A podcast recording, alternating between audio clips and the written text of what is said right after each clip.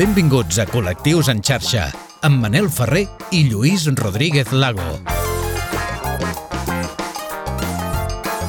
Què tal? Com esteu? Benvinguts al Col·lectius en xarxa. Lluís Rodríguez Lago, com estàs? Benvingut. Molt bé, Manel. Escolta'm, que bé, que contents que estem abans I de tant. començar, abans d'entrar en farina, Sí, sí, perquè sí, sí. eh, estem rebent una acollida brutal per part de les ràdios Moltes locals. incorporacions noves. I això ens encanta, ja són més de 15 ràdios les que estan eh, sumant-se a aquest Col·lectius en xarxa Ahà. i nosaltres doncs, els hi donem les gràcies. Les Com dèiem, gràcies. benvinguts a aquest programa. Avui dediquem aquest espai a un sector de la societat en el que sovint no hi pensem gaire i que potser la crisi del coronavirus ens ha fet eh, tenir-los més present que mai. Estem parlant de la gent gran, Lluís. Uh -huh. I més concretament la gent gran del col·lectiu. Eh? Mhm. eh, ocultar qui ets quan arribes a certa edat, la soledat per haver perdut el contacte amb la família biològica, la falta de punts de trobada on crear o alimentar una xarxa social i d'amistats on poder sentir-se lliure per ser un mateix o una mateixa.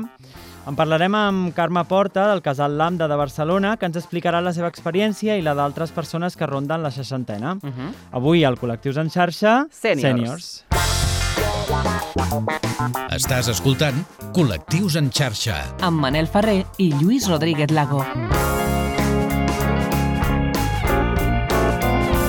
I Lluís, perquè hi ha tradicions que sí que són bones i aquí ja les tenim doncs, molt instaurades Mhm. en aquest col·lectiu en xarxa, comencem amb algunes dades. Amb algunes dades, la Federació Estatal de Lesbianes, Gais, Trans i Bisexuals Uh -huh. va presentar un estudi el 2019 sobre persones LGBTI majors de 55 anys que tot i que tan sols abarcava 145 entrevistes, perquè ells mateixos ja parlaven de la dificultat per aconseguir-ne més, mostra que un 50% de les persones entrevistades van mostrar públicament la seva condició sexual en algun moment de la seva vida, però la meitat d'aquestes van decidir tornar a ocultar-la en arribar a aquesta edat. -huh. De fet, només el 6,2% del col·lectiu LGTBI acudeix a residències de persones grans quan entre la població el percentatge total és del 12%. Fixa't, és gairebé la meitat, La meitat. Els professionals dels serveis socials del sector indiquen que una de les raons per les que aquestes persones grans es queden al marge d'aquests serveis és perquè normalment són els familiars els que els porten a les residències, però moltes persones eh, LGBTI ja no tenen aquesta família o mai l'han tingut o han tallat la relació amb aquesta, no? I moltes vegades per la seva condició, Ah, també, Exactament, Lluís, eh? sí, sí. Mhm. I a aquest fet eh, li hem de sumar que el plantejament i l'organització de moltes d'aquestes residències no acompanya aquests homes i aquestes dones homosexuals, bisexuals, transexuals, eh, que se sentin eh, amb la comoditat i el benestar necessaris per acceptar-les com a casa seva. Mhm. De fet, eh, la solució, o mitjana solució que s'ha Mm. trobat per les persones grans del col·lectiu acostuma a ser contractar els serveis d'un cuidador perquè l'atengui a casa seva, però amb aquesta opció s'exposen més a viure en soledat si no s'exposa d'un altre cercle social. Una altra de les opcions que els queda és ocultar la seva homosexualitat de nou amb tot el que ja han viscut i amb aquesta Ahà. càrrega emocional, negativa, anímica o fins i tot física que comporta aquesta decisió i Mhm. ja arribar a aquesta edat, Ja sumat amb molts altres problemes, clar. Exacte. Els símptomes de depressió afecten un 30% de les persones grans LGBTI, el que triplica les dades de la població en general, no? i un 39% han tingut pensaments suïcides. Tornem a parlar d'aquest tema, eh? Mhm. I vull que ens expliquis tu, Lluís, Ah, sí. perquè hi havia una llei molt Sí. curiosa que jo de Hem fet no trobat- sabia que existia, la llei de vagos i maleantes. He trobat dos. La llei de vagos i maleantes va ser una llei espanyola del 4 d'agost de 1933 referent al tractament de rodamons, nòmades, proxenetes i qualsevol altre element considerat antisocial i que posteriorment va ser modificada per reprimir també els homosexuals. És a dir, que tenia com una doble acció, negativa en Ah, aquest cas, exactament. lògicament, Mhm. però també acció. I la segona La eh, és una llei llei- sí. referida i de, inclús eh, dins del règim franquista, no? Sí, sí. La llei sobre perillositat i rehabilitació social, que va ser una llei espanyola aprovada pel règim franquista el 5 d'agost de 1970, substituïda, o que substituïa principalment la llei aquesta que hem Sí, parlat de abans, de vagos i maleantes del 4 Mhm. d'agost, per al control de tots els elements considerats antisocials, concepte que incluïa tothom que practiqués la mendicitat, l'homosexualitat, el vandalisme, el tràfic, tots allà el mateix, eh? Mhm. eh, el consum de drogues, la venda de pornografia, la prostitució, el proxenetisme, així com els immig- immigrants il·legals i qualsevol que fos considerat perillós moralment o social pel règim. Sí, no? tot el mateix cercle, Tot no? el El vandalisme sac, amb la exacte. condició sexual. Molt bé. Establia penes que anaven des de multes fins a penes de 5 anys d'internament a presons o centres psiquiàtrics Mhm. per a la rehabilitació eh, d'aquella manera, dels individus. Aquesta llei els acosta eh, al costat perdó, de l'escàndol públic va ser usada de forma sistemàtica per a la repressió de l'homosexualitat en l'última part de la dictadura franquista. Ara parlaves d'aquestes, eh, deies, entre cometes, aquesta rehabilitació. Ah. Espera, perquè al, al dia d'avui existeixen Sí, teràpies, sí, sí. metges i psicòlegs que treballen per curar dit així, Sí. per curar Ah. a persones homosexuals. Sí. Un dia hem de parlar també d'això, Sí, sí, perquè, perquè porta bastanta tela. música el tema, Sí, eh? porta sí. bastanta música. Mhm. Parlem també que la SAGE, que és el Servei d'Advocacia i Recolzament per Ancians LGTBI, és l'organització més gran i antiga dels Estats Units dedicada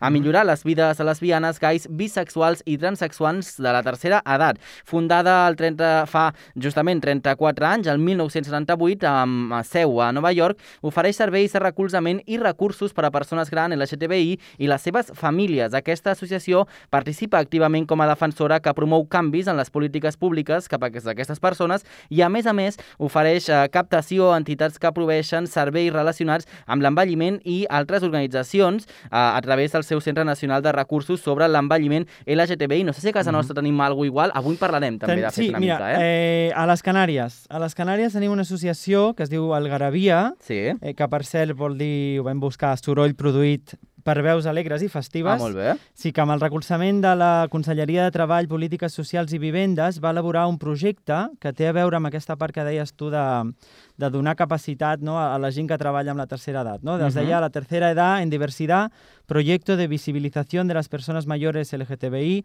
i formación al personal que les acompanya, no? amb l'objectiu de fomentar la igualtat i la dignitat de les persones grans LGTBI a través de la formació del personal de gerontologia que les acompanya, no? contribuir al benestar i a la promoció de les persones grans a través de la realització de tallers específics per elles i prevenir la dependència de les persones grans facilitant la creació de xarxes entre iguals i que suposin un recolzament i un assessorament. Perquè els pols oposats també s'atreuen. Escolta col·lectius en xarxa. Doncs seguim ara amb més informació. Tenim aquestes dades, ja hem posat les pistes per on comencem, sí. però hi ha molta més informació que hem d'anar desgranant. Hi ha molta informació, però no la suficient. No També ho hem de dir, eh? Que També ho hem que- de dir. És el que hem, hem pogut veure, no? Perquè avui parlem d'un tema que em vas proposar i tu fa Sí. un temps, ja, vam deixar reposar una mica, i jo pensava, ostres, com ho farem, no? Com, què parlarem, de què parlarem quan parlem de la tercera edat i del col·lectiu? Com enfocarem aquest tema per despertar l'interès i la curiositat per saber-ne més de les persones que ens escolten? Uh -huh. Però que il·lus, no? Perquè quan vaig començar a llegir una mica no vaig poder parar, perquè això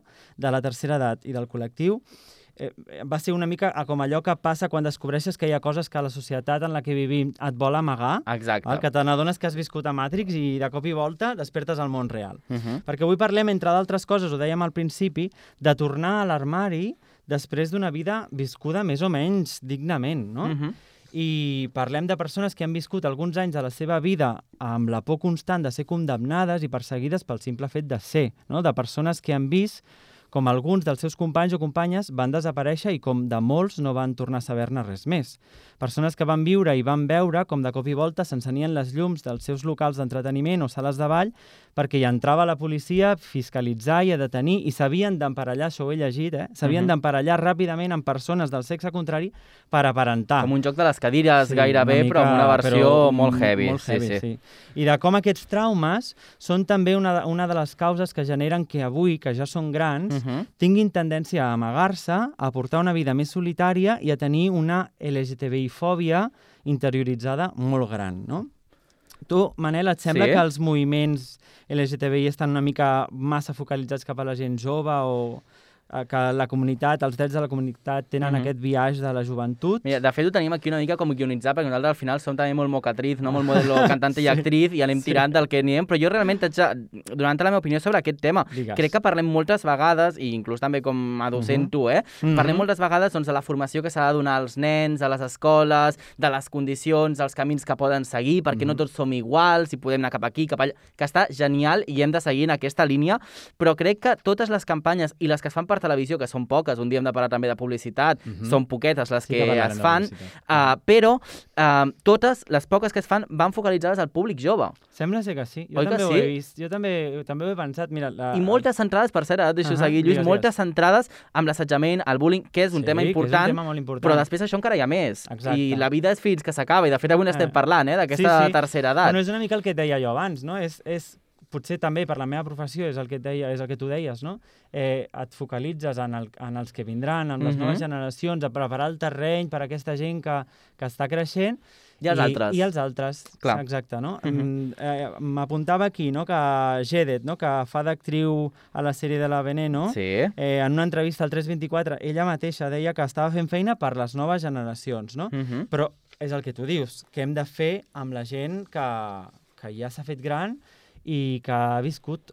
mm, Tota una vida i de molta repressió. Ara parlaves Ah, d'aquestes mateix. festes, aquestes discoteques, el fet de que s'encenguin les llums, que gairebé com si fos una redada per trobar drogues. Això. I al final el que Mhm. estaves fent era divertir-te Sí. amb gent que potser o no comparties una mateixa Exacte. orientació sexual o uns mateixos gustos. Si més no, ballar i punt. Clar, sí, sí. Però com deies, eh, l'univers homosexual potser, sobretot, i ara no sé què, què en pensaràs tu, eh, Sí. el, el cas de, de les, dels gais, eh, del, dels homes gais, està tenyit una mica d'un perillós culte al cos, Mm. no? a l'eterna joventut, el mite del vampir que sempre és jove i viu d'à Sí. i per la nit. Ens no? estem vampiritzant d'alguna manera, una vampiritzant, miqueta, no? no?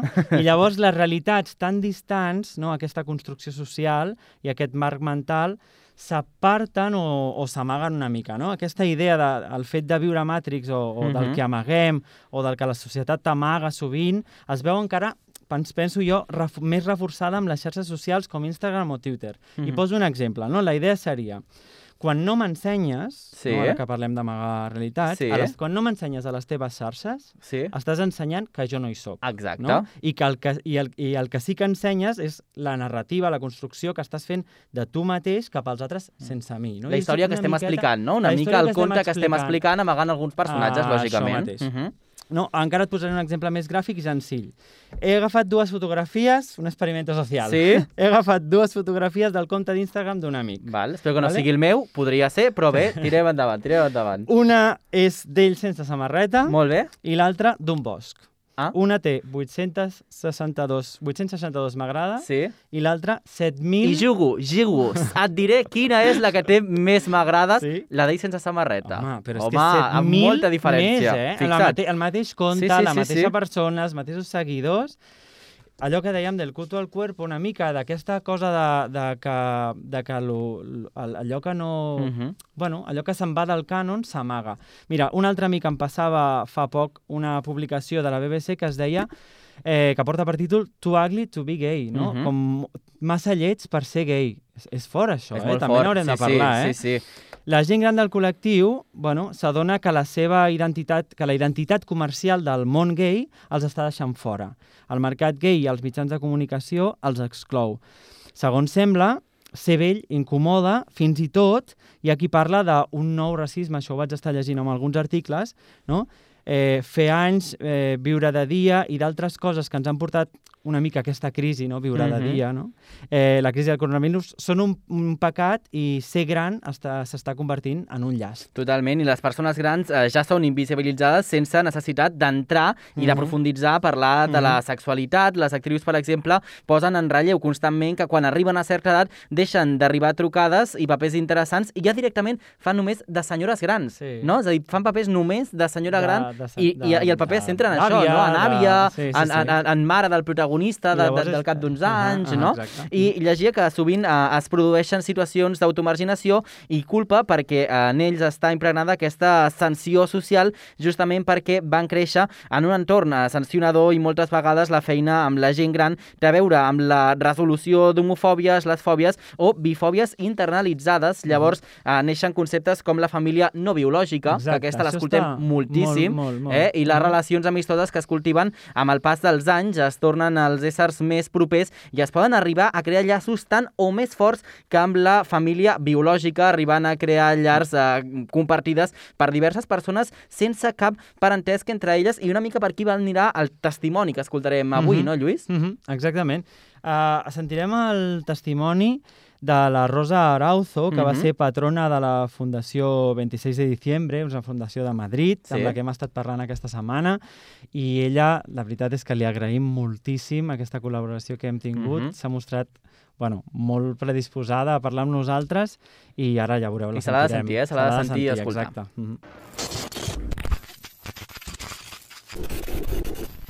La comunidad LGTBI va avanzando cada vez un poquito más y cada vez está de alguna manera más inserta y más eh, desarrollada, como podemos ver, a través de todas nuestras manifestaciones, sobre todo lo que se ve también en el Día del Orgullo, etcétera, gracias a la lucha que se ha venido manteniendo para conseguir una, una normalización de nuestra manera de ser, de sentir y de vivir.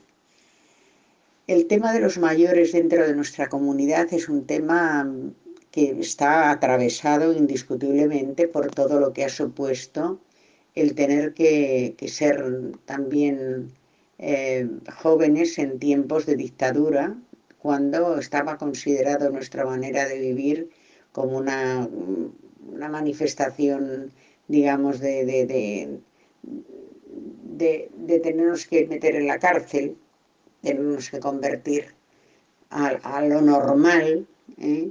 hacer verdaderas tropelías con este sentimiento y por lo tanto, pues los mayores, eh, qué duda cabe que después de todos esos años de, de desconcierto y de, y de mal rollo, pues ahora que ya no es así, eh, a pesar de todo cuesta mucho el declararse como gay o lesbiana o trans mayor. Y es normal porque las cosas mm, tienen su devenir y, y en ese sentido hay que procurar abrir el corazón y la mente para entender que toda esa situación que hemos vivido ya no la queremos volver a vivir, que estamos en otras condiciones, que a pesar de que hay gente en este momento que le gustaría volver a situaciones antiguas de dictadura, pues no van a ser así, pero de todas maneras lo importante es que abramos el corazón y la mente a tener el respeto que se merecen estas personas por su inclinación, por su orientación, por su manera de sentir y de vivir y que podamos también tener un buen rollo con ellas, ¿no? De, bueno, no poner etiquetas, no, no estar en una situación de, de ir en contra o de, o de prejuicio, ¿no? Si algo nos hace daño a los seres humanos muchísimo, es el tema de los prejuicios. Pero hay que comprender que es difícil el poder mantener, eh, digamos, el tipo, por decirlo de alguna manera, cuando se ha pasado verdaderamente situaciones muy, muy complejas y muy difíciles dentro y fuera de las familias y con un rechazo por parte de, las, las, instituciones, pues muy, muy desagradable y además muy tremendo, ¿no? Esta es un poco la, cuestión de ahora. Qué bien que podamos tener dentro de nuestro entorno personas que también se sienten ahora libres de poder ser como son realmente y como se sienten, que son nuestros vecinos y vecinas LGTB. Segueix-nos a les xarxes. Busca'ns i recupera tots els nostres programes, imatges i vídeos exclusius. Col·lectius en xarxa, a Twitter, Instagram i a les principals plataformes de podcasting.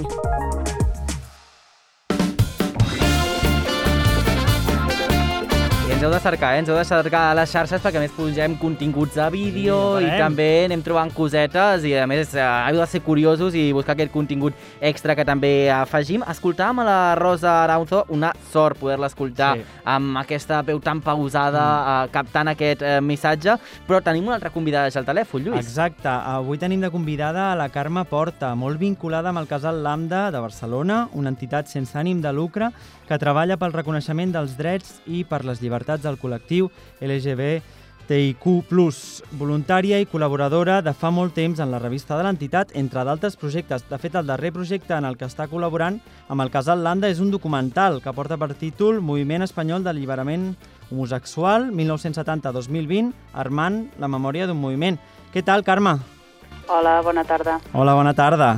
Escolta, eh, quina és la situació actual de les persones del col·lectiu quan s'arriba a l'anomenada tercera edat? Senten aquestes persones aquesta doble discriminació, potser, no?, per ser grans i per pertany al col·lectiu?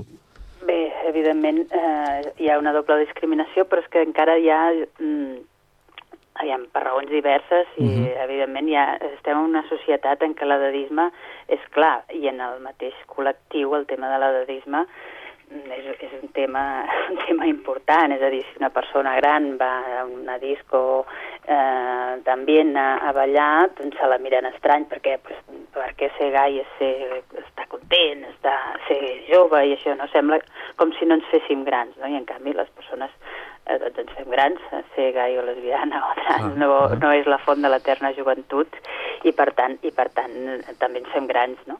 El que passa que, bueno, mm, el que mm, fins fa un, uns anys, no?, doncs era viure, viure a l'armari i per tant bueno, era aquesta discriminació es portava, es portava dins, el fet de que les persones LGTBI eh, doncs hagin sortit de l'armari, hagi, hagi hagut un reconeixement social, legislatiu, eh, dels, dels nostres drets, doncs clar, per moltes persones que es fan grans, quan arriben a ser grans, doncs han, moltes han de tornar a l'armari. Uh mhm. -huh.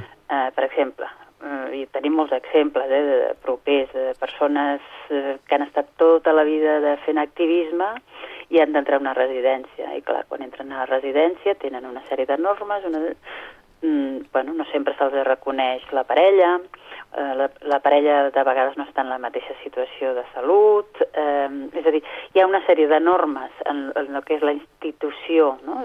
quan estem parlant de, de residències i així, eh?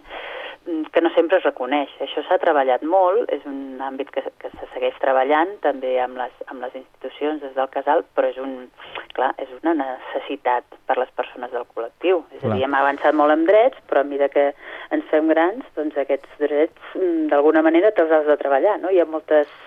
De fet, hi ha molta gent que té projectes d'això, de, de, de, de fer de convivència quan, quan ens fem grans, no? de cara a, bueno, a tenir petites comunitats on algú tingui cura de nosaltres, etc etc, de cara a, precisament de que no ens passin aquestes coses, no? Però mm. clar, no deixa de ser una certa autogestió per lluitar contra la discriminació, contra aquesta doble discriminació. Clar, de fet, eh, Carme, com estàs? Parlàvem, de fet, al principi del programa eh, sobre això, un fet que has mencionat tu, el fet de eh, la bellesa eterna del culte al cos, no? de, de, del fet de quan deixes de ser jove, doncs sembla que tot eh, s'acaba, i en parlarem d'aquí una estona, però volíem preguntar també per uh, una de les conclusions que hem arribat fent uh, aquest informe i fent aquesta investigació que fem per fer el Col·lectius en xarxa. Uh, parlàvem que els esforços que es fan, sobretot eh, les institucions eh, per la lluita dels drets de, del col·lectiu LGTBI eh, s'estan focalitzant principalment en la gent eh, jove. Ho veu realment així? És a dir, passa això que sembla que totes les campanyes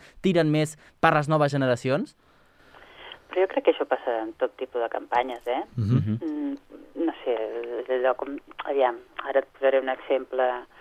Eh, quan es parla de famílies, uh -huh. no? De quin tipus de famílies es parla? Mm, d'una família eh, biparental, heterosexual, amb dues criatures... És, sempre es, es parteixen de models ideals. El problema és Clar. que hi ha un pensament heteropatriarcal no? que, que d'alguna manera mm, bueno, enfoca models ideals de comportament social, de, de, mm, que és el que, el que acaba anant, no? És, no deixen de ser eh, no deixa de ser publicitat, no? El tema mm. és com va entrar en aquesta diversitat en els diferents tipus de publicitat i de, de programes. És mm. evident que, que sí que, que de cara al col·lectiu LGTBI el tipus de campanyes institucionals solen ser mm, adreçades a, a, bueno, a, un, a un target molt concret, però jo crec que cada vegada també es van fent més àmplies. Eh? Jo crec que, mira, aquesta mateixa campanya electoral, tot i ser mm. al meu entendre una mica sí, excessivament agressiva, no sé. Mm, eh, jo crec que, que en el tema LGTBI s'està veient precisament molta diversitat. No, Mhm. no s'està adreçant només a un target, sinó que, que s'està havent-hi molta diversitat. Evidentment, tot, no, tota, no tota, totes les candidatures ni, ni de lluny, no? Mhm. perquè hi ha algunes que no, no Exacte, creuen ja en aquests agradaria. drets. Escolta, i, i què en penses sobre la relació de l'homosexualitat amb el culte al cos, no? Però jo, jo crec que això passa a tot arreu. També. És dir, la gordofòbia Ja, va Mm, per sobre de, de la és- condició. És un tema, és un tema social, no? Ja. O, o, Mhm. o el fet de que hi hagi mm, per, mm, molts joves i moltes joves amb anorèxia i bulímia, Mm. vol dir que hi ha un culte al cos que la societat està fent aquests models ideals, que cada cop es va trencant, però Mhm. evidentment el col·lectiu LGTBI jo crec que possiblement en alguns àmbits això s'accentua. Eh? Mm, s'accentua, eh? Mhm. S'accentua en alguns àmbits, però jo crec que també és, són àmbits molt concrets, no? que és el, els àmbits doncs, això del, del ligue, no? Allò, abans era les discoteques, els bars, Mhm. aquests espais que s'han anat diversificant també, perquè clar, mm, no totes estem fantàstiques i fabuloses. Sinó... bueno, Escolta, i des del casal. Tinder, per perdona, exemple, eh, perdona, eh? és que Sí, sí, sí, sí. volia introduir, el I tema tant, del tant. Tinder, per exemple, Mm. i tot, totes aquestes aplicacions Mm. que hi ha per lligar, doncs eh, és, és, el culte al cos és em, 30 vegades més elevat que, que en, en, espais presencials, inclús. Eh? Eh, no, et fe- et feia la pregunta de, de com ho feu des del casal Lambda, per exemple, per ajudar eh, en general i a la gent gran, també. Bueno, al Casal Lambda hi ha, hi ha com dos, dos espais diferenciats, no? Un seria el dels propis grups que, que generen a partir de, de la, dels interessos i les necessitats, i que també hi ha un grup de gent gran, no? Hi ha el grup de muntanya, hi ha el grup de dones, hi ha el grup de joves, el grup de persones sordes, eh, i el grup de gent gran, no? I, i que tenen una, una, una dinàmica de quedar, de, de reunir-se, de parlar de, de les, dels interessos comuns, no? En, en, en base a, al, al lloc que els uneix, no? I després hi ha les pròpies activitats i serveis del casal, no? Les activitats que són obertes a tots els grups, de vegades organitzades per algun grup en concret, però per- a tots els grups i a tot el públic en general, a part de les, les persones sòcies, però també hi ha una sèrie de serveis de, de psicòleg, de, de treballadora social, etc Mhm. que, que dona, bueno, que rep aquelles persones que necessiten algun tipus de- d'ajut, no? El que estem rebent, sovint es reben des de la recepció, no? Quan, quan, quan ve una persona a interessar-se que vol venir al casal, Mhm. doncs una de les coses que et trobes és, bueno, molta gent que d'entrada ve a informar-se, Mhm. però que, que, bueno, que necessita que l'empoderin d'alguna manera, Mhm. necessita fer xarxa, necessita conèixer gent, gent com elles. I, I amb això trobem gent jove i gent gran. És a dir, hi ha persones grans que han viscut, no sé, ara estic posant així un exemple, en parella molts anys, Mhm. quan ha passat alguna cosa o s'ha trencat la parella o mm, doncs no sap on anar Clar. Clar. i ostres, el casal és un, un espai on, on, on coneix gent, on, on es fan activitats, no? Mhm. No deixa de ser un espai sociopolític, no?, d'alguna Mhm. manera, i d'oci també. Doncs, escolta'm, n'haurem de tornar a parlar un altre dia perquè el programa se'ns queda Se'ns molt, queda molt eh, curt. curt. Eh, gràcies, Carme, per haver estat amb nosaltres. Eh, Moltíssimes i, gràcies. I t'emplaçarem eh, a parlar un altre dia doncs, de, de més realitats que ens puguis donar a conèixer. Gràcies i fins la propera. Que vagi molt bé. Perfecte, gràcies i perdoneu Adéu. que m'allargo. Ah, no passa res, no passa res. Encantats, encantats d'escoltar-te i acabarem amb música. Va, Sí. Lluís, que això s'acaba. Sí, acabem amb la cançó eh, All This Love That I'm Giving. Sí. És de, del 1979, un tema R&B, que a mi m'agrada molt aquest, Sí. aquest gènere, de la Gwen McRae.